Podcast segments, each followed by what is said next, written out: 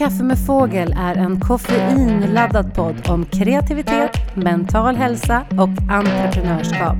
Jag som har den här podden heter Anna Fågel och jag jobbar som coach, föreläsare och artist. Så ladda din kaffekopp och välkommen till dagens avsnitt. Nu har jag stör ej på Alexia. Vad skönt. Nu kan vi snacka. Yes, let's do it. Hur var din helg? Helgen var bra. Ja. Vi, eh, barnen har ju haft höstlov eh, medan vi har jobbat på. Men så bestämde vi oss lite sista minuten sådär att vi åker ner långhelg till Öland. Till makens släktingar och eh, firade honom lite i efterskott. Mm. Jättemysigt och vackert att se Öland på hösten. Vi är oftast där på somrarna. Mm. Mysigt. Då är det så här lugnt och inte så mycket folk. Ja, inga husvagnar Nej. eller... eh, Nej, det var ingen trafik. Jättelugnt och väldigt stillsamt. Och det var vi och fåglarna. Gud vad härligt. Mm. Och hästar. Ja, vad skönt. Jätteskönt. Och så ja, kom hem igår. Så det är en ganska lång bilresa. Det blir ju totalt ungefär åtta timmar för att vi stoppar, tar en lunch och så stannar vi och släpper ut hundarna så att de får springa. Så vi väljer att ta pauser för att det ska bli uthärdligt för alla. Mm. Men det är okej. För Eskil och Frans, Alexas hundar, som, eh, där vi sitter nu och poddar på kontoret, lokalen. Vi brukar säga att det är deras våning i stan. Ja. Men de är inte här idag, så idag kan vi göra vad vi vill. ja, vi passar på när Ja. de inte är här. Ja. Det kommer ju ifrån att vi, de har ju varit med ett par gånger så de är vana att vara här när jag jobbar här med dig. Och så var vi ju ute och käkade lunch en dag när det tror jag, både regnade och blåste och det är bland det värsta de vet. Så att när vi kom tillbaka hit så blev de så otroligt De var så glada. sjukt glada. Så extremt lyckliga. Så att det var som att de äntligen fick komma hem. Mm. Deras våning på Södermalm. Ja, det är det. Jag gillar det. Mm. Eh, men då har vi båda firat eh, 50-års 50-åringar i helgen. Ja, för du har också varit iväg. Och... Ja, inte så där harmoniskt och lugnt utan väldigt mycket party. Men det var jättekul. Jag firade en tjej som heter Nadja som är en liksom, vän från tonåren, eh, från när jag växte upp. Och vårt gäng. Och det är väldigt mycket hiphop och dans och rap. Och eh, vi, det var upplagt i liksom tre steg. Allting var överraskning och hemligt. Så att det första var att vi skulle göra en aktivitet som vi inte visste vad det var. Eh, och det var alltså att rida sån här mekanisk tjur. Det låter så kul! Och det var så kul. Eh, inte så bra för mina höftproblem men jag klarade en rond i alla fall. Och sen så käkade vi jättegod middag på ett ställe hemma på Sjöstad. Och sen gick vi, nu ska du höra hur ohipp jag är då. För det är något nytt och hippt ställe som ligger på Modgallerian. På taket. Men jag vet inte vad det heter där vi var. Ja, ja. Jag vet bara att det var väldigt mycket folk. Eh, det var bara så här hiphop, reggae, soul, R&B musik som vi älskar. Och en kompis till mig var DJ. Så det var kul. Men det roliga var att vi var ju då... Ja, hon fyllde ju 50. Vissa var kanske 55, vissa var 35. Alltså var lite blandat. Men vi var ändå äldre. Vissa är mormor av dem som jag var ute med. och, vissa är, och vissa är mammor till barn som är kanske 20. Wow. Och målgruppen där var cirka 20. Oj! Mm, det var oj. väldigt ungt. Jag tyckte vissa såg ut som var... Ja, men vissa var liksom... De såg ut som de var 16. Men, Men så jag undrar om det var 18-årsgräns kanske, jag vet inte. Men så det var det första vi tänkte på, att shit, här var det ungt liksom, och vi kommer in. Men vi älskar ju att dansa så att vi startade igång det där dansgolvet där inne och folk liksom följde. Eh, och det var så fin stämning. Så att det var så här, vi dansade järnet och vi har ju varit såna här som har varit inne i ringar och battlat och grejer när vi var unga. Så det blev så här ring, alla dansade i ringen. Eh, Folk var så liksom fina och kärleksfulla. Eh, så att det var något stort tjejgäng med unga tjejer som drog in mig. Liksom när de såg att jag stod och dansade lite själv. De bara, men kom, kom, kom. Och sen när vi gick, då har vi dansat i fyra timmar. Oj. Då var det flera stycken som kramades. Men Och bara, det är så, var så kul att ha lärt känna er och så kul. Så det var liksom, Men wow! Det var sån himla fin och så här generös stämning. Unikt. Eh, ja, så det var kul. Vilken grej! Ja. För det hade ju också kunnat gå åt helt andra hållet. Ja, tänker exakt. Jag. Alltså, Ja. I deras ögon är ju ni jättegamla. Exakt. Ja. Men så det var väldigt eh, roligt. Åh, vad kul! Ja. Så få dansa loss ordentligt. Och vilken gemenskaps-eufori det låter som. Ja, det var dig. Jag kom hem vid så tre och sen kunde inte gå dagen efter i trapporna. Men det var det, var det värt. Det var det värt. Ja. Åh, vad härligt. Ja, det är inte som, um, har jag berättat om den gången, eh, om kaffeopera. Nej. Åh, helt knäckande. När jag, var- när jag var ung, Ja. ute i svängen i Ja, det var i 18-19 års åldern. Jag jobbade i krogbranschen då så Ja. det var ju ute fem, fem dagar i veckan ungefär. Så jag vet inte hur det är nu men på den tiden så var det tror jag 20 eller 21 års gräns på Café Opera så jag har liksom aldrig blivit insläppt så att jag har varit för ung. Eh, och någonstans efter 20 så kände jag att ja, men nu är jag klar med det där. Eh, jag har liksom aldrig egentligen, inte ens då, varit särskilt lockad av det här festliv, utelivet. Jag trivs bättre på ett lugna ställe, bibliotek. Ja. Ehm, så att åren gick eh, och jag har liksom aldrig längtat varken dit eller till något annat ställe så. Och det var tror jag i samband med att jag skulle fylla 40 och det är ju liksom en, en milstolpe att lämna 30 Verkligen, någonting och kliva ja. upp på 40. Mm. Och så var jag ute på min, jag tror att det var nog på min födelsedag. Eh, där jag och en kompis skulle gå ut, kommer in till stan och är någonstans där vid krokarna, Kungsträdgården där Café Opera ligger. Och så bara, "Nej, men ska vi inte dra dit? Tänkte jag, ja men nu, nu kommer jag in. Så vi går dit eh, och så är det en dörrvakt där och han bara, ah, vänta lite. Ehm, ni kanske ska gå någon annanstans ikväll, säger han till oss. Ja, precis. Vi bara, men va? Tänkte jag först. Bara, Ja. ser jag så ung ja, exakt. och så sa han att jag rekommenderar att ni går någon annanstans. Jag tror inte att ni kommer få så kul här inne. Va? Men vad menar du? Vad, är det abonnerat eller vad är... Mm. Nej men det är mest 20-åringar här. Då var vi för gamla i hans ögon. Nej. Bara, va? Ja, men vi gapskrattade. Det är ju så absurt. Så absurt. Först för ung och sen för gammal. Ja. Och han sa, men, nej, men, så tipsade han om några ställen vi kunde gå till där han Ja. trodde att vi skulle ha roligare. Så absurt, men också så fel. För jag, nu när jag var ute nu här och gjorde det här studiebesöket, som vi kallade det, bland alla 20-åringar, så var det ju ändå fruktansvärt kul. Alltså, Ja, ja. Man kan ha kul Men- fast många är yngre. Det är inte som att man bara behöver umgås med folk i ens egen ålder. Nej, det, är ju det, det var ju så bisarrt. Ja, Kunde inte vi få avgöra Ja. själva? Det, jag menar, vi var ja, men 40 och hon var väl, min kompis kanske var 42. Det här är ju Exakt. bara några år sedan. Ja. Helt absurt. Så att Alltså, jag har liksom, Café Opera har passerat. Först var det för tidigt och nu är det för sent. Nej, Vilken loss för Café Opera. Vilken loss för Café Opera och alla ungdomar. Så. De hade ju världens chans att se... Ja. Nej, jag ska. Ja, ja men så segt. Men Mhm. utelivet, det kan jag känna också att jag... Jag tycker det är jättekul att gå ut och dansa då och då. Eh, Men jag är ju, speciellt nu i november, en otrolig så här, hemmarotta. Och då, innan vi åkte hem så sa min kompis Lollo så här, hon bara, nu ska jag göra någonting jag älskar. Jag har inte hittat ett bra ord på svenska. Men hon är gift med en engelsman. Hon bara, I'm gonna pot around. Oh, pot Hon bara, around. pot around in the house. Ja. Jag bara, ja det är precis det här, skrota runt. Ja. Det är liksom, åh, det bästa jag vet. Det är så skönt och det är så skönt när man kan ge sig själv tillåtelsen. Ja. För det var någonting som jag, ja men där i tonår, övre tonåren och tidiga 20-årsåldern. Jag hade inte en aning om begreppet högkänslighet. Nej. Att jag blev lätt överväldigad av intryck eh, och, och att jag dessutom är en väldigt utåtriktad social introvert. Mm, det är som jag. Ja, vi är så lika Ja. där. Det förstod jag inte heller. Så att jag eh, förstår ju så här i efterhand eh, vilken kamp det var. Jag försökte att vara som alla andra och hänga med och hänga på. Och när vi hade varit ute och jag gick där och bara våndades för att någon skulle nämna ordet efterfest. Och så kommer det och någon som vill gå vidare och jag liksom bara typ grät inombords. Jag ville ju bara åka hem. Ja. Vissa gånger gjorde jag det och kände mig så...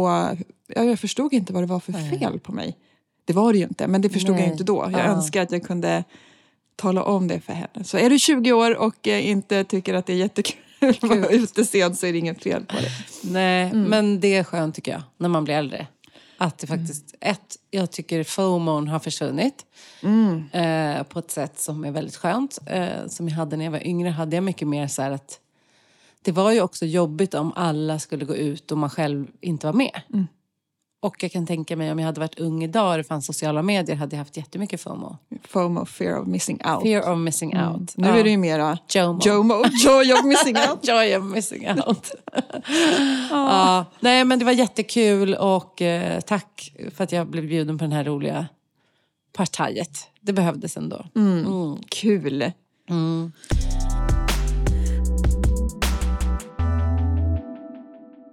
Men ska vi snacka, vad ska vi snacka om Alexia? Ja, men Alltså många, vi har fått massa tips från vår grupp och vi har massa mm, egna Dear tankar. Ja, Creative-gruppen på Facebook. Precis. Exakt. Ja, men ska vi hoppa in på det här med när kan du kalla dig för konstnär, författare, låtskrivare och vad är det? För att det finns ju, tror jag, alla har ju sin bild av vad Ja. en konstnär, och när jag säger konstnär nu så tänker jag in alla typer av konstformer. Ja. Eh, att vi har olika tolkningar av vad en konstnär är. Däremot, jag, jag tror också att det finns en ganska gemensam kulturell bild av vad en konstnär är och kan vi id- identifiera oss med den eller inte? Och vad, ja. Verkligen. Och kan vi kalla oss en konstnär eh, om vi gör på vårt eget sätt? Precis, ska vi... eh, Vi dyker in. Mm. Det, det är ett svårt tema tycker jag. Ja, jag har, Alltså- vi har inte utforskat det här innan. du Nej, och jag. inte jag heller. Så Nej. det här blir väldigt ett utforskande samtal. Mm. Men också så här... äh, Ja. Ja, nej, men låt oss bara dyka in. Jag, jag känner att jag inte har några svar alls. Mm. Nej, inte jag heller. Det är Så, helt så utforskande. ja, okej. Men ska vi börja med att det, det finns säkert de som inte tycker att de kan kalla sig för det om du inte tjänar pengar på det. Mm. Det tror jag är så här, ett, en grej varför vissa... Men så här, kan jag kalla mig en musiker om jag inte får betalt för min Mm. musik? Vad tycker du? Jag tycker att man kan det. Mm.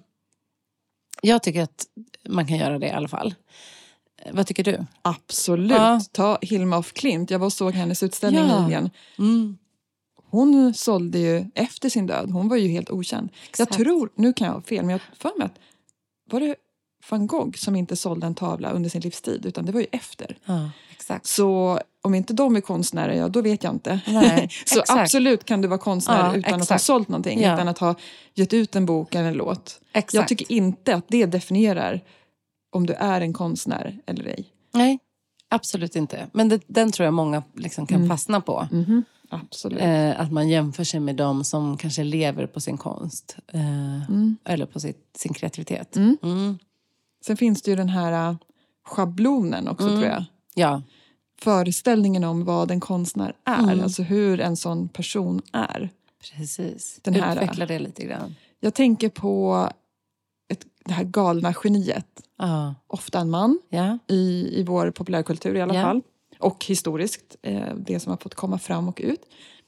Men jag tänker på någon som kanske mår dåligt, en eh, dramatisk skådespelare som slåss och skriker. Det är konstnär. Mm. Lidande konstnär som måste få utlopp i sin konst för att på något sätt kanalisera detta genialiska. Eh, Det Precis. tror jag kan vara, för mig i alla fall är det en sån schablonbild av en konstnär. Inte, Svårt. Det måste vara svårt. det måste vara svårt, Mm. det ska vara lidande, gärna något missbruk med i bilden, Mm.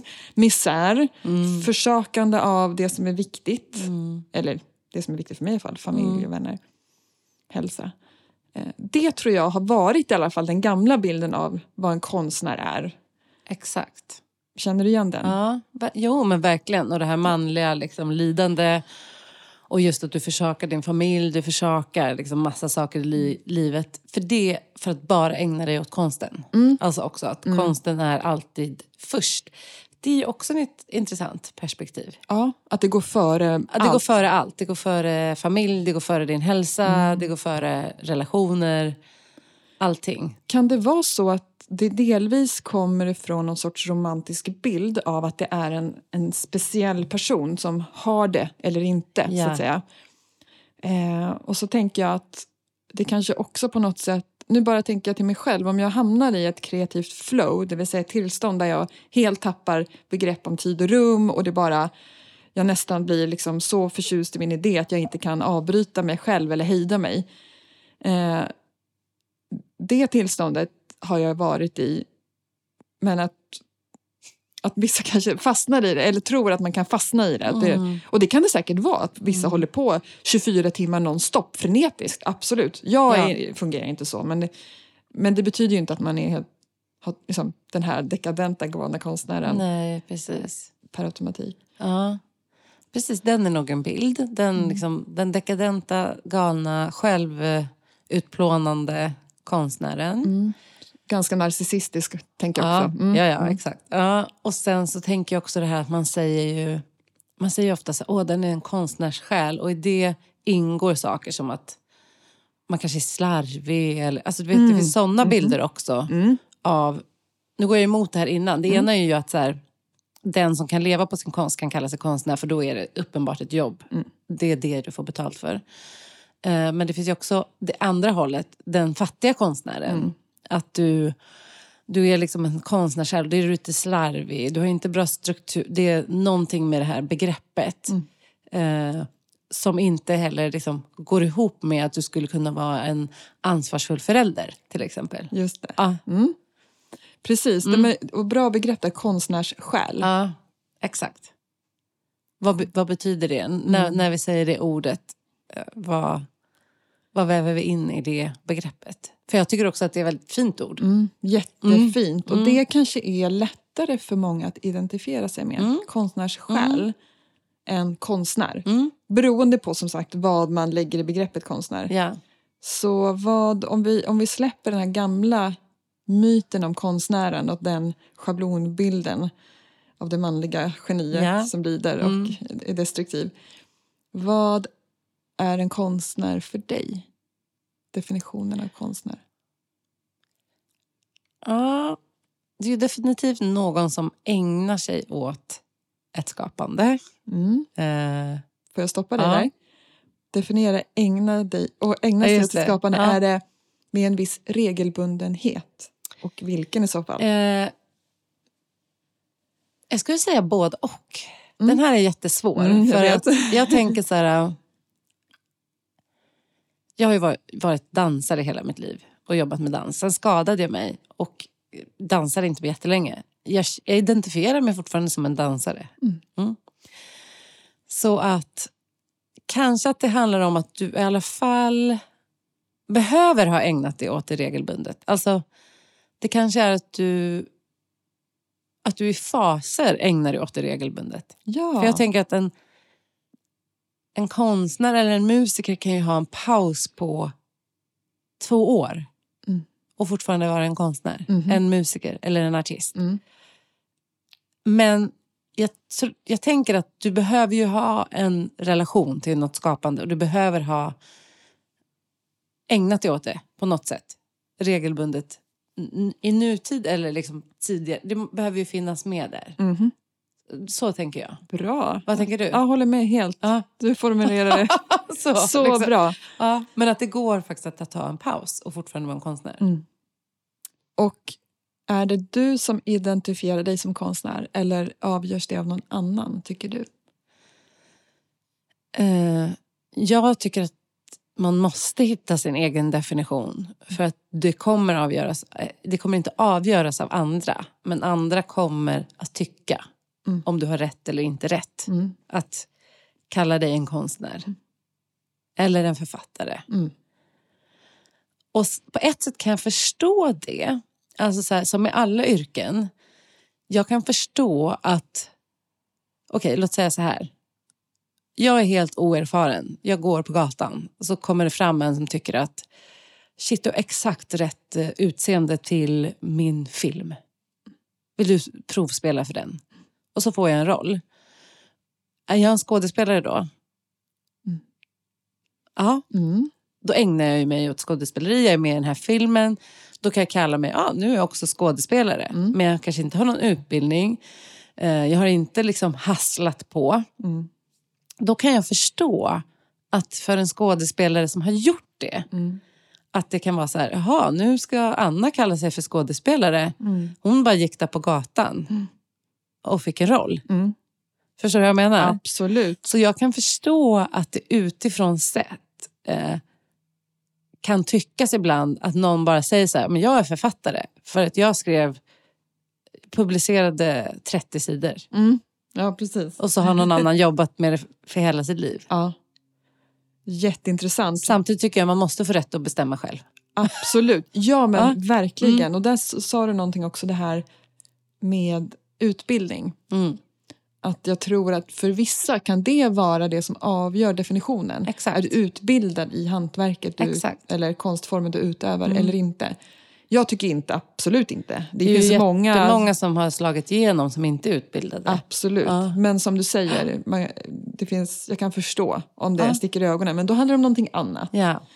Ehm, verkligen. Mm. Men det är ganska intressant att man kan ju också tänka att man kan ha förståelse och liksom för dem som det kanske provocerar lite. Mm. Alltså jag tänker det här med självmedkänsla. Man, man kan ha medkänsla för dem också för att du har investerat jättemycket Mm. i en utbildning eller en karriär och så kommer någon och bara, men jag är Gick Ja, men det är som coach. Coach är inte en skyddad titel. Mm. Och så har jag gått min utbildning och så säger någon, jag är coach. Ja. Mm. Den har ju rätt att kalla sig det, men som utbildad är det ju lätt att tänka att, jaha men du är inte utbildad. Nej, det är inte på riktigt. Det är inte på riktigt. Nej. Nej. Sen tror jag att det finns eh, flera aspekter av det här med att våga kalla sig för konstnär, sångare, Mm. skådespelare, vad det än är. Mm. För att med det så följer det två saker som jag kommer på spontant. Det ena är att i den stunden du uttalar jag är en konstnär så får ju du, alltså de andras blick blir ju annorlunda. Yes. Ehm, dels kan det vara sådana som faktiskt inte håller med Mm. där du kan ställas till svars, så att säga. Och det andra är att i den stunden du säger det så behöver du leva upp till någonting. Mm. För dig själv och inför andra. Att är du, har du sagt eh, att du är författare eller vad du nu är, konstnär, så ska ju du också leva upp till det. Yes. Då förväntas du ge ut böcker. Du förväntas göra det du nu gör, vad det än är för område. Så det tänker jag också följer med, att det blir ett sorts förpliktigande. Mm. Och sen också den här jantelagen. Mm. Ja, men jag har ju bara gett ut två böcker, jag är ingen Exakt. riktig författare. Ja, ja, exakt. Ja, finns det fejkförfattare och vad Ja. är skillnaden? Ja, att det finns att vi av rädsla för att eh, sätta oss på för höga hästar skjuter fram, skjuter bort titeln på det vi utövar. Exakt. Men jag tycker så länge man utövar det eller har utövat. Jag kanske inte tycker man kan säga att jag är författare om man inte skriver. Nej, Det, finns ju där har- någonstans någon jag håller med. Ja, Alltså, här, man, alltså, man, för det kan ju finnas en känsla av att ja, men jag identifierar mig som en skådis, men om jag aldrig spelar något, ja, då Nej. kanske jag inte är det. nej men precis. Alltså, man får titta på sig själv lite nyktert också. Ja, ja, helt enig. men, verkligen, jag Så kan det behöver höra ihop, det kan vi väl kanske enas om, att det behöver höra ihop med någon form av utövande. Ja, där är vi helt lägsta överens. Lägsta nivån är utövande. Sen kan jag tycka att kanske att man på någon, något sätt, i någon form, har delat det. Så Ja. att man har slutfört den här kreativa processen som vi har pratat Ja. om väldigt ofta i andra kanaler tillsammans och i våra egna. Att man har delat det på något sätt. Det kanske inte behöver vara att man har etablerat på ett stort bokförlag eller ja, gett ut en låt som har blivit eh, antagen på, hos skivbolag. Men att man på något sätt har visat upp det för omvärlden, vad omvärlden nu är för en. Eller, ja, Mm. jag skulle precis säga samma, men sen tänkte jag om. För låt säga då att det är någon som har skapat i hela sitt liv och så går den bort och man hittar dens verk i, Hil- Hilma af Klint Hilma till exempel. i en byrålåda Mm. eller någonstans. Och sen var den inte konstnär Mm. innan det visades. Jo, där har du rätt. Det, jo, faktiskt. Så Eller då hur? är det kanske i utövandet Ja, eller hur? Delande. undrar om det egentligen behöver vara ett delande. Nej, men du har rätt. Mm. Du har rätt. Så till er som lyssnar nu, nu är det vi spe- spekulerar. Vi har verkligen inga Ja. det är roligt att filosofera kring det här. Ni kanske tycker det är jättejobbigt att lyssna på för Nej, att ni redan har... Ni vet exakt. Och vet ni så skriv gärna Ja. eh, till Anna eller mig. Ja, men kan man veta? tankar. Vem kan bestämma Ja, det? nej, Jag tänker att det inte finns något rätt svar. så är det. Men eh, en sak jag tänkte på, för vi fick en kommentar i vår Dear Creative-grupp, att liksom, det kan ju också handla om att du är någon som skapar regelbund, men att ta kreativiteten på allvar. Att det du sa med att det för- förpliktigar när man går in i det. Mm. Men det kan ju också vara att man förminskar sig själv länge och, och liksom vägrar kalla sig för konstnär eller musiker. Mm. Jag har hållit på med musik jättelänge, men eftersom det inte är min huvudsakliga sysselsättning Mm. så tog det ett tag innan jag liksom tog det begreppet till mig. Mm. Jag, menar, jag är låtskrivare, jag är sångerska, jag är artist. Jag gör det inte på heltid. Mm. Men varje gång jag står inför en publik och jag sjunger så blir jag så här, just det, det här är ju någonting jag kan. Mm. Det här är jag ju då. Och då kan man ju få träna på att kliva i liksom, den titeln och den rollen. Och det behöver ju inte vara att det förpliktigar. Det kan ju vara just det där man tänker, ah, men hur ser det ut för andra då, som gör det här på heltid till exempel. Mm, precis. Eh, Så att, att våga kliva i det tänker jag också kan vara en nyckel för, för frågeställaren då. Sa att hur tar jag min kreativitet på allvar eller mitt konstnärskap? Och då tänker jag att det kan vara ett sätt att ta det på allvar. Att kalla dig själv Mm. det. Ja, verkligen. Och att kalla dig själv eh, musiker, att kalla dig själv konstnär, att kalla dig själv författare. Eh, kan vara just det där klivet man behöver ta Mm. För att visa sig själv Mm. och omvärlden att jag tar det här på allvar. Ja, precis. Och det är också värt att lägga till att den titeln du tar identifierar ju inte hela dig. Det är en Nej. del av dig eller en del av det du gör. Exakt. Så vi behöver kanske inte vara så rädda för det. Men det krävs ju många gånger ett visst mod.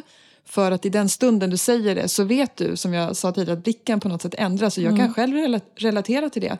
Jag säger inte att jag är skådespelare. Förutom när vi har föreställningar. Då, just det, men det är ju vi som är skådespelarna Just här. det. Ja. Men det är ju för att jag jobbar ju inte med det på heltid. Precis. Men det är ju heller inte amatörteater där vi går kurser och ja, fördriver tiden. Utan det är ju på riktigt. Mm. Men det är sällan jag kallar mig för skådespelare. Eh, Och vad är Offentligt. anledningen till det då? jättebra fråga, jag har inte ens tänkt på det. Nej. Jag tror kanske att det, det här är ett omedvetet beslut, jag har inte ens funderat på det. Jag tror att det kan ha att göra med att det inte är min huvudsakliga sy- Mm. syssla. Att jag utåt sett kommunicerar att jag, för att jag jobbar som coach. Eh, och att det på något sätt tar över. Och då kommer vi till nästa frågeställning då, att vi kan ju ha flera titlar. Exakt. Mm. Coach och skådespelare. Precis. Coach och sångare Ja, eller dansare. Exakt. Eller Ja. Jag tror det, men jag tror att det där är för många just att när du inte gör det på heltid. För att jag hade inga problem att säga att jag var dansare och koreograf när jag jobbade med det på heltid. Där, ja, då har för, vi det för där. Mig är det nog, för mig har nog det varit en nyckel, men någonting jag faktiskt medvetet har brutit. För att jag har känt att det inte varit rättvist mot mig själv. Att så mycket tid som jag lägger på att skriva låtar och ge ut låtar och göra musik ändå, fast jag inte gör det på heltid. Så är det inte rättvist mot mig själv att jag inte har den titeln. Ja. Att jag inte liksom ger mig själv den benämningen. Ja, Eh, för det är ju att ta det på allvar, som du sa. Det är ett Exakt. sätt att göra det. ja. Så det kanske vi själva borde Ja. ta till oss av och faktiskt... Eh, Ja, exakt. Nej, men så den har jag tänkt på väldigt medvetet liksom på senare tid faktiskt. Jag tror att många är rädda för det. Ja, lätt. Jag tror att det finns en enorm rädsla för Mm. att kalla sig för att... Jag tror mycket att det är jan, jantelagen står i vägen. Mm. Att jag inte är tillräckligt Mm. bra än. För att en författare är ju någon som verkligen är duktig och kan det här. Mm. Jag har inte gett ut en bok än. Inte Exakt. kan jag kalla mig förfa- Mm. författare även Mm. om jag har tre böcker i byrålådan. Mm. Byrålådan, vem har böcker där? I datorn. I molnet. Ja, men så det Mm. kan vi enas om. Att det, det är faktiskt man själv som bestämmer på något sätt. Och Mm. att man kanske får ta sig förbi då eller hålla den där rädslan i handen för att ta det på allvar och börja uttala det också. Mm. Ett annat tips det är ju att träna på att börja uttala det. Mm. Bara så att efter ett tag så har du vant dig vid att säga det. Ja, säg det högt Ja. för dig själv framför Exakt. spegeln fem gånger varje morgon. exakt. Så. Jag är Eh. konstnär, jag är inte rädd. Jag är Mm. konstnär. Mm. Och sen där kan det ju vara mer också hur man uppfattas. Alltså det finns sånt som kallas liksom finkultur och icke. Och, Mm. eh, det, där är det också liksom... Det kan man ju inte ha en bedömning med vem som får kalla sig för det. Nej, och det finns säkert, eller jag vet människor som har gått, alltså tagit master of fine Ja. arts på Konstfack. Ja. Eh, och som har haft utställningar och gjort grejer. Eh, men som inte titulerar sig som konstnär. Jag vet. Så det är inget, inget, Nej. inget nödvändigt. Men, Nej. men för många tror jag att det kan vara en hjälp att ta sin kreativitet och sitt konstnärskap, sitt skapande på allvar. Mm. Om man känner att man har svårt att göra det Mm. så kan det vara en hjälp på Mm. vägen. Exakt. Mm. Så kan man hitta på en egen titel. Alltså man hittar på en egen titel. Man kan hitta på någon egen titel också. Ja. Om det där är för stort. Ja. Som ändå in, inrymmer ens uttryck. Ja, precis. det är också kreativt. Ja, det är också kreativt. Ja. Ja. Ja, men det där är superintressant.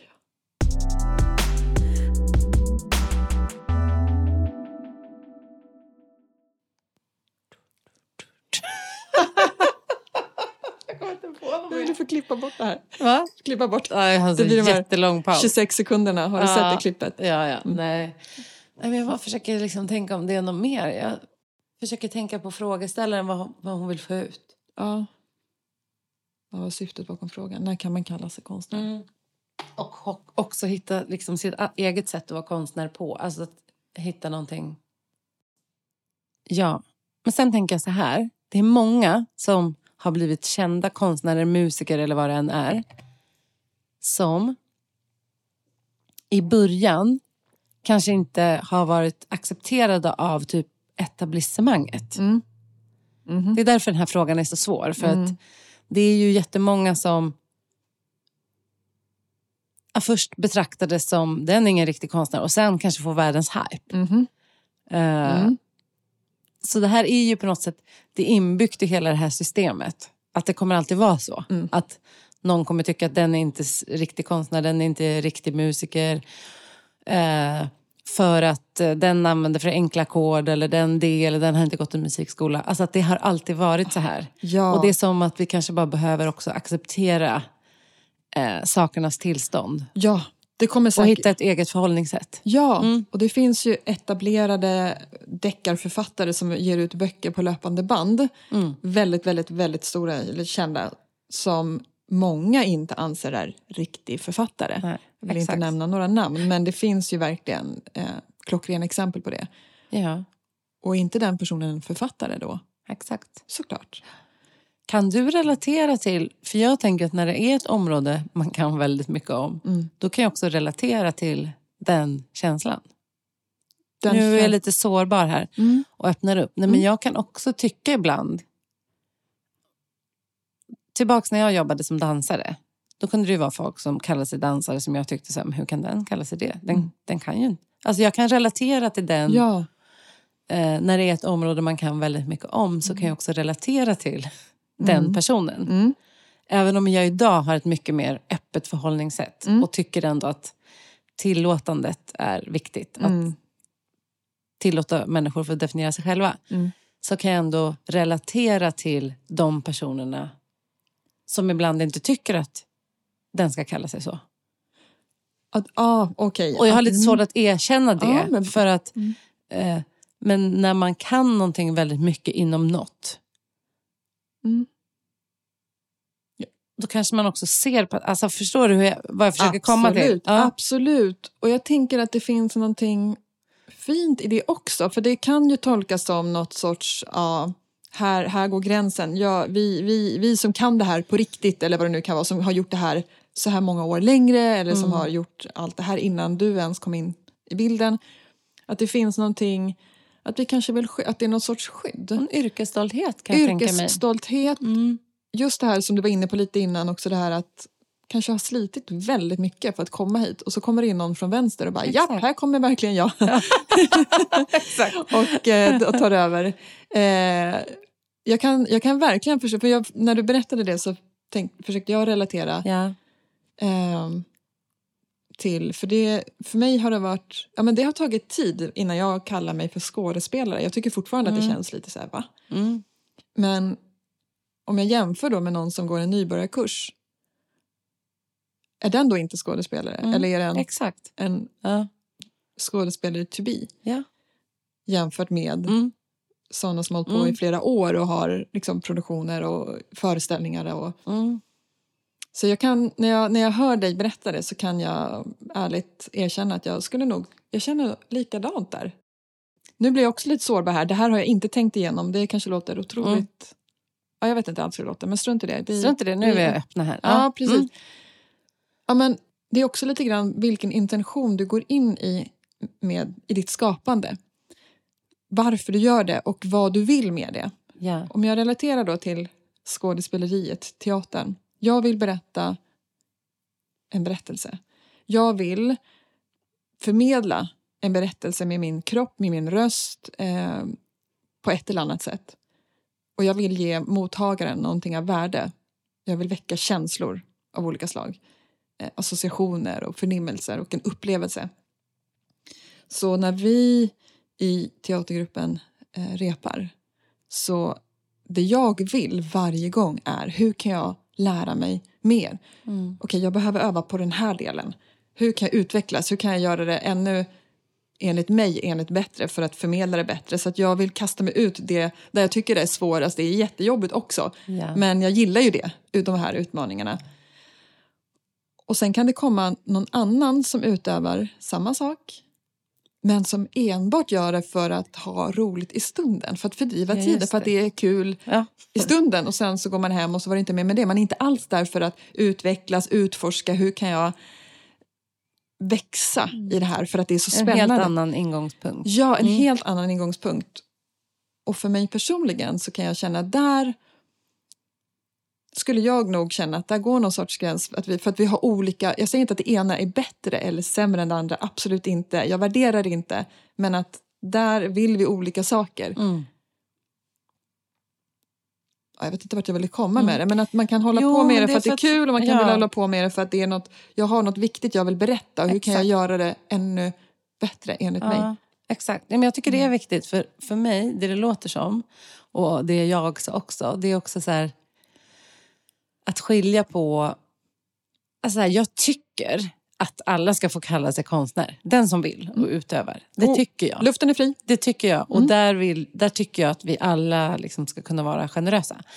Eh, men jag vill skilja på det, att jag tycker det och vad jag ibland känner. Exakt! Och också vara liksom självmedkänslande, att jag känner så Mm. ibland. Och även med andra då, för då kan man tycka så här, men vem är den som ska säga att den är konstnär? Men även att så här, om man ser vad som ligger bakom. Mm. Eh, någon som har jobbat jättehårt och du vet, Mhm. satsat på någonting. Att det kanske är en ganska naturlig känsla. Ja, verkligen. Mm. För att har man gått in med kanske allt man har, Ja. vad det gäller, eh, det kan vara pengar, det Ja. kan vara tid, energi, alla personliga tillgångar man har Ja. i olika former, så står det ju så mycket mer på spel på något sätt. Att det, Mm. det gör en mer sårbar, tror jag, Mm. när du satsar ditt hjärta med allt vad det innebär för Mm. dig i din konst eller ditt uttryck, Mm. så blir det ju mer personligt Mm. det blir mer sårbart och utsatt jämfört med någon som kanske inte alls går in med hela hjärtat, bara gör det för att ha kul. Exakt. Eh, Men som du säger, att det är så viktigt ändå att alla kan ändå till, tillåtas kalla sig för konstnärer. För vad är det som ligger i grunden? Enligt mig så är det ju viljan att utforska, att leka och att göra Ja, ja. något som inte fanns för en kvart sedan. Mm. Exakt. det är ju liksom ett ut, uttryck av en form av kreativitet. Och det är att vara konstnär, dansare, författare, skådespelare eller vad det än är. Mm. Men att sen kan det skiljas åt vad intentionen är, vad insatsen är. Och i slutändan handlar det om vad du identifierar dig som. Och den, den rätten har bara du och det kan ingen ta ifrån Nej. dig. Vad de än säger i finrummen och i tv-sofforna så Exakt. är det du som Ja. bestämmer. Exakt. Bra Alexia, bra sagt. Precis. Eh, och, och att ta sin kreativitet och konst på allvar. Att man inte gör det, för det var också en fråga. Det är ju, tänker jag... eh, Det kan handla om tillåtelse också. För jag tror Mm. i kreativitet att att liksom ta den platsen. Mhm. Att säga att jag är musiker, jag är konstnär, jag är författare. Jag är, det är också att säga, oj, då behöver jag tillåta mig själv Mm. att skapa, att vara den här personen. Ingen annan kommer att ringa på din dörr och säga att vet du vad Anna, det är okej. Nej, Du kan kalla dig för sångerska nu. Exakt. Så jag tror att ta kreativiteten på allvar handlar mycket om tillåtelse. För det kan ibland kännas som också att så här, Speciellt om det är så här, det här kanske är det roligaste jag vet. Att jobba Mhm, kreativt. mhm. Att, men får jag verkligen göra någonting bara för mig? Mm. Som jag tycker är kul. Eh, och med det inte sagt att inte andra gläds av ens kreativitet om man delar den. För det gör de ju. Men jag tror att det kan vara därför många inte heller tar sin kreativitet på allvar. Och kanske många kvinnor för att man är van att sätta andra i första rummet. Och att det kan kännas just så här som ett egobeslut. Mm. Verkligen, och där sa du Mm. något som jag också ville slänga in här. En jätteviktig aspekt som finns med Ja. vare sig vi tänker på det eller inte, vare sig vi vet det eller inte, vare sig vi tror på det eller inte så Ja. finns den där. Och det är en faktor eh, som påverkar alla oss som är kvinnor. Även om det kanske inte är så i vår vardag idag, i vårt liv, så har vi med, vi har det ärvt Exakt. från generationer att kvinnor ska inte ta plats på den konstnärliga scenen. Eh, det är inte så länge Nej. eh, kvinnor fick synas och höras. Och, eh, nu ska jag inte ha någon föreläsning om Hilma af Klints liv, men, för jag kan alldeles för lite om det. eh, men det lilla jag vet handlar ju mycket om att när hon, slutet av 1800-talet, början på 1900-talet tror jag det var. Början på 1900-talet var det definitivt. Mm. Så, så ansågs ju hon vara ett hot Mm. eh, bland de manliga konstnärerna för att hon kom med någonting helt nytt som ingen riktigt hade sett på det sättet i Sverige. Och det finns med Exakt. fortfarande. Eh, och det ser jag som har jobbat i reklambranschen i 20 år bland kreatörerna. Eh, nu har jag ingen statistik, men titta runt på, ta bara byråerna i Stockholm. Det är inte många creative directors som är kvinnor. Nej, precis. jag vet ett, några, men de flesta är män. Eh, de flesta högt uppsatta art directors och copyrights, det är män. Mm. Eh, det håller på att skifta, absolut, men det finns fortfarande kvar som en faktor. Mm. Eh, och där tror jag också att det ligger oss lite i, i vårt undermedvetna apropå att ge sig själv tillåtelse att ta den platsen. Ingen kommer ge den till dig. Nej. Absolut inte. Mm. Nej, exakt. eh, någon, en, någon som har den platsen, låt säga att det är en man, kommer inte flytta på sig och ge sin plats. Precis. Utan det, vi får ta den själva och komma ihåg att när vi tar den så betyder det inte att någon annan blir utan. Nej, exakt så. Och där hade jag faktiskt ett avsnitt i den här podden med feministpsykologen Maria Färm. Som har skrivit en bok som heter Han är så bra på att ta egen tid. Där vi utgick just ifrån eh, ta egen tid i form av kreativitet. Och hon förklarar också, precis som, som du Alexa, just att det är det här nedärvda att det är generationer. Liksom. Det är inte så länge sedan som kvinnans plats faktiskt var i hemmet. För familjen och barnen. Och att även om det inte är så nu så är det inte så konstigt att... För många är det så fortfarande. Ja, för många är det ju verkligen så fort- fortfarande att bara se runt om i, i världen. Men eh, även om det har liksom blivit bättre Mm. så är det inte så konstigt att eh, det kan vara svårare att ge sig själv den där tillåtelsen att ta plats med sin kreativitet. Verk- Både för sig själv och i det offentliga rummet. Precis, i, bo, i båda de Mm. aspekterna. Verkligen. Mm. Eh, Så det kanske man kan skicka med att ha lite självmedkänsla med det. Att så här, okay, det kanske inte är så konstigt att det här känns obekvämt. Eh, men jag får göra det ändå och ta stöd av människor runt omkring. typ. verkligen. Och i den självmedkänslan också väva in, fråga sig själv, vad hade jag för, om du är kvinna, vad hade jag för kvinnliga förebilder när jag växte upp? Ja. Var min mamma en Exakt. förebild i att ta kreativ plats, om vi nu paketerar det så? Eh, om inte, hade jag någon annan kvinna om, omkring mig som verkligen tog den här platsen? Om inte, nej men då är det kanske inte så konstigt att det är nytt och ovant för dig. Du kanske inte ens har någon i din omgivning idag som du kan eh, ta efter eller studera. Men då, då, kan, då är mitt tips att eh, hitta någon. Det behöver inte vara någon du känner. Det kan vara någon du har eh, sett, någon konstnär eller någon som utövar något konstnärligt som du tilltalas av. Hur, ja men, ta, titt, undersök lite. Hur verkar hon göra? Vilken plats har hon? På vilket sätt tar hon sin plats? Mm. Hur kan jag närma mig det? Vad kan ett första steg för mig vara? Det kanske handlar om att jag bara bara, det är inte så bara, det kan vara ett jättestort kliv, ändrar min beskrivning på mitt öppna Instagramkonto till konstnär eller sångare. Ja, det kan vara exakt. ett jättekliv, men det kan vara det som också vänder på steken, mm. att faktiskt våga göra det just som ett steg i att ta mm. sin kreativitet på allvar. Mm. Verkligen, och det här med förebilder är så, så så viktigt. Mm. Och jag har jobbat lite med Popkollo och så till exempel som har gjort jättemycket för kvinnor inom musik. Ja. Och eh, det finns ju... Liksom, det är ju många som jobbar aktivt med det här just att man ska hitta förebilder att identifiera sig med. Att det är så otroligt viktigt. Att har jag aldrig sett en tjej som spelar trummor så kommer inte jag välja trummor som instrument. För jag har ingen att se upp till. Mm. Eh, och här tänker jag mycket nu, kanske för att jag börjar närma mig 50, mm. att jag tänker just mycket på kreativitet och ålder. Mm. Och kanske framför allt inom musik. Liksom. Hur, ja, men hur ser vi på den åldrande kvinnan inom popmusiken? Mm. Alltså hur...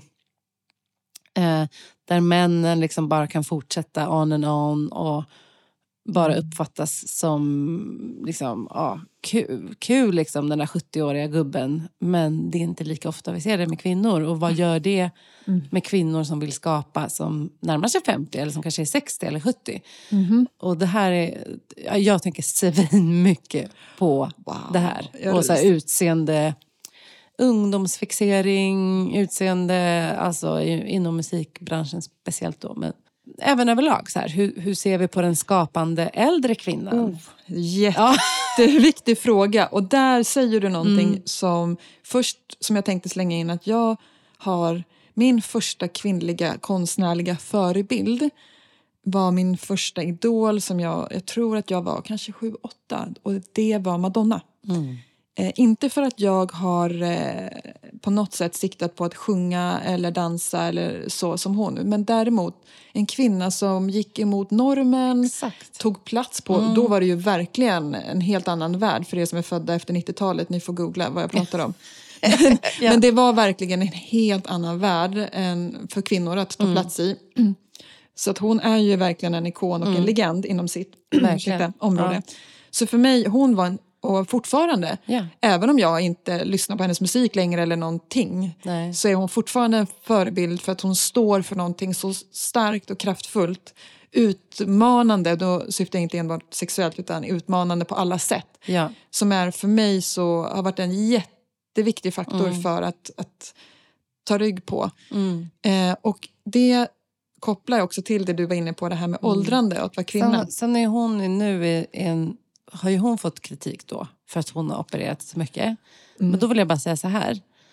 Hon är också en produkt av ett samhälle. Ja. Alltså så här att man kan tycka vad man vill. Alltså jag vill att kvinnor ska kunna åldras naturligt. Samtidigt känner jag att jag typ inte kan döma Madonna. Nej, nej alltså, för, Förstår du hur jag menar? För att hon är en produkt av vår samtid. Mm. Mm. Ah, ja, verkligen. Verkligen. Och att hon vill hålla sig och, och se ung ut. Mm. Det hade ju varit himla coolt om hon inte gjorde det. Så ja. att vi fick se Madonna oh. som en åldrande kvinna. Verkligen. Nu får vi inte det. Nej. Men eh, dömer inte henne ändå, för hon är också en, liksom, eh, en produkt av hela den här samtiden. Ja, men precis. Även om hon, hon har, har gjort val som jag personligen, som sagt, jag ja. dömer inte. Men personligen har jag inte gjort de valen. Men återigen, hon skiter i vilket. Hon gör Jaja. det hon gör för sina, sina anledningar och orsaker. Mm. Jag var såg hennes konsert här i Stockholm. Jag kommer inte ihåg hur många år sedan det var. När hon spelade. Mm, när var det? Det var ju definitivt innan pandemin. Det kanske var fem, sex år sedan. Mm. Kanske sex år sedan, ungefär. Eh, och jag var så lycklig när jag hade fått tag på biljett. Eh, jag har aldrig sett henne live innan. Jag slogs av och till slut blev jag faktiskt irriterad och sa ifrån. Det här, det, för mig är det så sjukt. Och det här gör, ja, jag blir upprörd bara jag ja, pratar om det. Upprörd. Ja. Jag gillar det. Ja. Vi har sta starka känslor här. Ja, nu. Då får vi mera algoritmer. Ja. Eller, vad heter det? Ja. Då får vi mer klick. Det blir bra Det får TV. mer klick. Det blir bra tv, Alexia. Ja, det blir bra TV. Mm. Mm. Nej, men det som gjorde mig och gör mig fortfarande förbannad är Mm. att eh, lycklig som ett barn på julafton berättar ju gärna för alla åh jag ska gå och se Madonna, jag Ja. ska se Madonna. Den första frågan jag fick av män och nästan fler gånger av kvinnor, Ja. första frågan var men hur gammal är hon? Ah. Och det skulle du aldrig fått Skulle när du ska gå och se Jagger? Rolling Stones. Nej, exakt! Ja. Eller Iggy Pop. Eller, Exakt. eller Depeche. Alltså, Ja. alla, de är ju gubbar. Ja, exakt. Ingen frågar hur gammal är Dave Gahan eller Nej. Martin Gore nu. Nej. Ingen. Men då, till slut så Ja. sa jag, alltså, i början så svarade jag ja, hon är 60. Men sen så bara, men vänta nu, vad Är det är, det som är det här? viktigaste? Som att hon är, är inte hon för gammal? Det är ju det jag hör Ja. bakom frågan. Ja. Oj, hur gammal är hon? Ja. Håller hon fortfarande på? Exakt, Mm. är inte hon för gammal? Ja. Sen så är det klart att det kan ju finnas mer sådär att, nej, jag vet faktiskt inte. När jag tänk, vad, vad, vad kan det mer finnas bakom?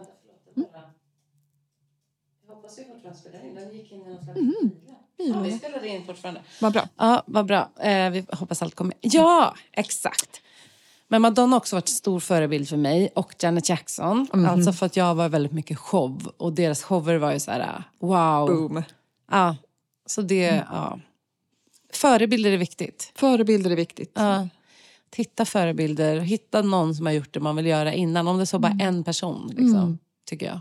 Och in, precis, och fråga dig själv vad är det jag tilltalas av eller Mm. beundrar hos den här personen? Är det en egenskap? Är det Exakt. någonting hon eller han gör eller inte gör, står för, är emot? Ja, men, Ja, djupdyk Ja, och se hur kan du göra din version av den egenskap eller vad det nu är du gillar. Exakt. Det tror jag. Mm. Sen finns det en annan aspekt som jag tänker kan stå i vägen för många. Vi har varit inne på det lite innan, men just det här bluffsyndromet. Ja. Känslan av att Såklart. känna sig som en bluff. Och det kan du göra även om du har alla fina diplom och examen från alla konstskolor eller vad det nu är för utbildningar. Eh, att det finns ett mått av eh, eh, bluffsyndrom. Mm. Exakt. Tror du inte det? Jo, Hos många. absolut. Och det är vanligt hos många, tror jag. Mm. faktiskt. Just många som skapar. Eh, Men Ligger inte det också i en konstnärs själ lite grann? Att Mm. vara ifrågasättande, vända och vrida, Mm. se det från flera Mm. dimensioner, ljus, Mm. vinklar, nyanser. Man kan ju hålla på inne Mm. i det absurda och till slut Ja. blir det super... Exakt, och det kan vi förklara. Då. Bluffsyndromet eller så här imposter syndrome, det är att du känner att när som helst kommer någon komma på att jag var minsann inte så bra som jag sa. Eller att det jag gör är fejk. Liksom, Du är ingen riktig konstnär. Nej, exakt. Du är ingen riktig konstnär. Eh, och där kan man ju, det enda man kan säga som tips där det är just att det är, mång, det är vanligt. Mm. Det är inte konstigt. Och att tro inte på allt du tänker. Typ. Amen to Ja, that. så kan man jobba med det på ett djupare sätt. Men i, i det här formatet, Tro mer på vad Anna säger än vad du tänker. tro på vad jag säger. you can do it. Nej, men liksom just att, eh, att förstå att de här tankarna vi har om oss själva inte alltid är sanna och framförallt inte alltid hjälpsamma. Jag har en annan fundering. Mm. Vi pratar ju mycket om det här. Hur kan vi ta vår kreativitet på allvar? Mm. och sådär. Varför ska vi göra det? Mm. Bra Kan, fråga. mm. Varför tycker du att det är viktigt att ta sin kreativitet på allvar? Och nu utgår jag från att du tycker att det är viktigt eftersom du har sagt det. Mm. Det är inte alla som kanske tycker det är viktigt. Mm. Jag bara, har jag sagt det? har jag Nej, verkligen det kanske, sagt nej, det Nej, kanske vet. inte har. Det kan ha ändrats, det här är ett utforskande ja, samtal. ty- tycker du att man ska ta sin Ja, kreativitet på allvar? Eh, jag tycker det. Mm. Eh, och varför ska man göra det då? Eh, nej men jag tycker att om det är någonting som är viktigt för en, oavsett vad egentligen, att ta liksom lite mer så ägarskap över det och omfamna det. För att jag tror också att då kommer man ge mer tid till det och umgås med det. Mm. Eh, om man tar det på allvar. Mm. Kanske lite flummigt svar, men jag, jag tänker just att eh, det är så lätt med det kreativa arbetet, om man inte gör det på heltid, att du liksom tänker äh, men det var väl inte så viktigt. Men så kanske det kommer att pocka på Mm. hela tiden och påminner dig om att säga, hallå, hallå. Det är många som är kreativa som faktiskt känner att livet blir väldigt mycket fattigare utan. Och det kanske inte är förrän du är utan ditt kreativa uttryck som du känner att någonting saknas. Mm. Och så kanske du går och tittar på någon pjäs eller du läser en bok och så blir du påmind om, just det, det här har jag också inom mig. Mm. Och det är någonting som vill få komma ut eller röra på sig. Eh, och där tänker jag då att om man tar de här impulserna på allvar. Att okej, att jag känner så här, det kanske faktiskt är ett tecken på att det här är viktigt för mig. Eh, och då tror jag att om man då bestämmer sig för att ta de här impulserna på allvar och inte bara vifta bort dem. Eh, då kommer du också spendera mer tid med din kreativitet och om du är en kreativ person så kommer du troligtvis att må bättre. Mm. Ja, Varför snyggt. tycker du?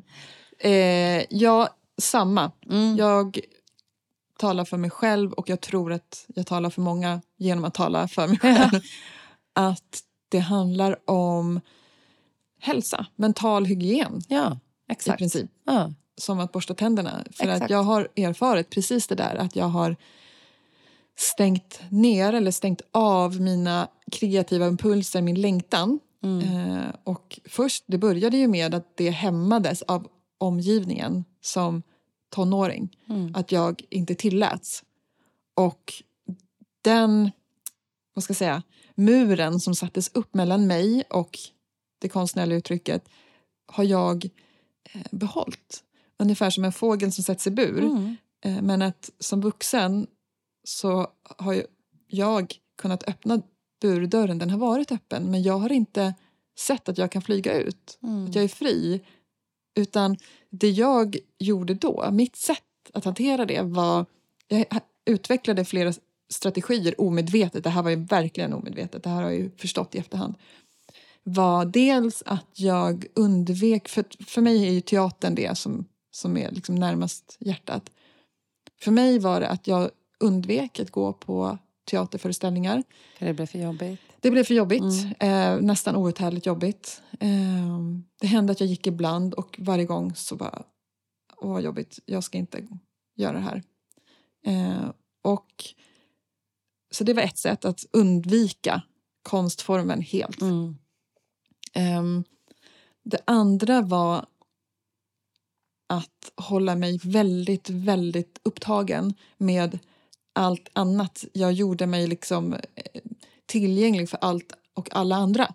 Och sen när det kommer barn med i bilden och familjelivet, ja då är det inte så konstigt att, att det går ju före Du allt. hade inte tid helt Jag enkelt. hade inte tid. Nej. Fick två barn väldigt, väldigt Mm. tätt och flyttade från Stockholm till Malmö, från Malmö till Stockholm under loppet av två och ett halvt år och två barn samtidigt där. Så det var ju inte så konstigt. Och så efter de småbarnsåren eh, så hade jag ju tankar som att ja, men, nu är det ju för sent. Mm. Jag är för gammal. Men jag utforskade aldrig. För sent för Apropå vad? För gammal för vad? Äldre förebilder. Ja, precis. Och då var jag ju liksom i början av, då var jag ju mellan 30 Ja. 35 och kände mig för gammal. Mm. Ehm, och utforskade liksom aldrig mer vad det handlade om. Så att jag liksom fortsatte att springa i ekorrhjulet och sprang fortare och fortare tills jag hamnade i en utmattning. Och verkligen fick omvärdera Mm. allt jag har trott på innan och allt vad jag värderar. Eh, att hitta min egen röst, Mm. mina behov. Och i den läkningen så kom det till mig att eh, det här är jätteviktigt. Så det var i samband med det jag började spela teater. Och Mm. den källan till glädje och den mening det har gett sen dess har varit helt, alltså en sån game changer. Mm. Helt ovärderligt för mig. Och det var som att komma hem. Verkligen Så komma tror jag hem. många kan känna igen sig. Ja. Och det, var, det är bland det snällaste jag har gjort mot mig själv. Så Mm. därför så är det verkligen något jag påstår är en del av i alla fall min hälsa. Och Mm. jag tror att det är så för många. Att, Jag tror för många som är kreativa personer så är det nödvändigt att få... Alltså jag tänker också att ohälsa kom, kan komma av ouppfylld liksom, potential. också av att du håller inne en massa saker som vill ut. Och Det kan vara din sanning, dina ord, det kan vara ditt uttryck. Eh, så Det är så viktigt att du säger det, för det, det, det kan ju också skapa ohälsa. Ja, att dölja Ja. en del av ditt autentiska Exakt. jag. Och med autentiska jag menar jag sitt sanna jag. Den Mm. man innerst inne känner att det här är jag, Exakt. det är en del av mig. Oavsett om du har visat det för någon eller inte. Precis. Och att dölja en del av sig själv kommer i slutändan kosta dig någonting i någon Mm. form. Eh, och med det sagt så betyder det inte att det alltid är lätt för mig att prioritera. Eh, jag behöver ha rutiner. Så jag behöver fortfarande se till att prioritera. För att när det är mycket med livet i allmänhet, med allt vad det är, eh, med familjeliv och renoveringar och allt, så kan det vara lätt att min kreativit- alltså mitt kreativa utövande, det är det som kan vara lättast att flytta på. Så räddningen för mig där har varit att jag har, nu är jag med i en teatergrupp, vi ses varje onsdag kväll. Eh, vi har våra träffar, så det, jag vet, det är få saker jag skulle, som skulle göra att jag ställer in en, en kväll med teatern. Och då har du skapat liksom ett system som funkar. Som jag har gjort med min musik. Där jag också har känt att den är jättelätt att prioritera bort när det blir mycket att göra. Men då har jag att jag har vikt fredagarna. Och då vet jag att fredagarna har jag i alla fall. Sen kan det bli mer eller mindre. Men ofta blir det ändå liksom fredagar. Jag behöver, jag behöver liksom ha dejt med mig själv. För att det ska bli av. Det behöver stå i kalendern. Jag kan inte vänta på att det blev en lucka. För det är inte så många luckor. Utan jag behöver liksom hitta den rutinen. Det kan ju vara ett helt annat avsnitt. Eh, Men jag tänker om vi ska skicka med något till också frågeställaren som frågar så här, hur kan jag ta min kreativitet på allvar? Vem får kalla sig konstnär? Eller hur kan jag kalla mig konstnär på, på liksom mitt sätt? Mm. Så vi kanske kan skicka med några små så reflektionsövningar. Mm. Mm. Jag tänkte, en sak det är att fråga sig själv, vad tror jag står i vägen? Vad är det jag tror står i vägen? Och kanske leka lite med så här, om det till exempel handlar om vad andra tycker. Så här, tänk om ingen kommer tycka något, hur, hur skulle det kännas då? Tänk om ingen kunde tycka något, vad skulle jag göra då?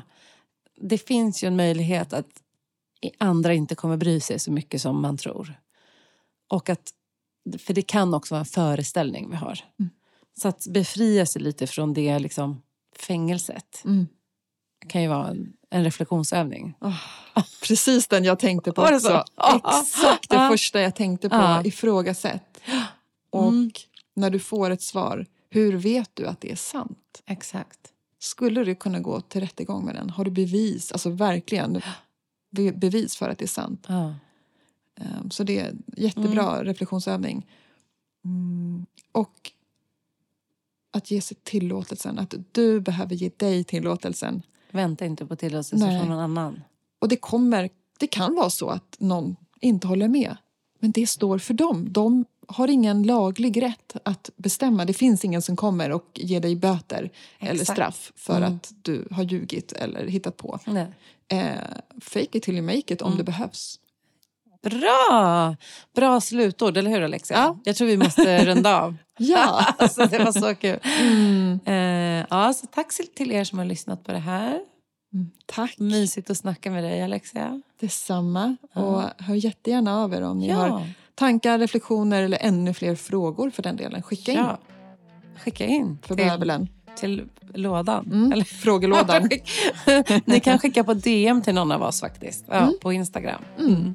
Och så eh, välkomnar vi dig som eh, är kvinna, eller identifierar dig som kvinna, till, vårat, eh, till vår community, Dear Creative. Ja, på Dear Facebook. Creative. Sök på Dear Creative på Facebook och ansök om att få komma med. Det är en Facebookgrupp där vi delar med oss, alltså alla i gruppen, inte bara jag och Anna, Nej. eh, välkomnas att dela med sig av sin kre- kreativitet, sina funderingar, utmaningar, framgångar. Vi vill fira med er, vi vill kämpa med er, vi vill Yes. trösta när det Ja. behövs. Så kom, kom, kom. Kom med! Ja. Ni är så välkomna. Mm. Ja. Tack för idag. Tack för idag. Hej då.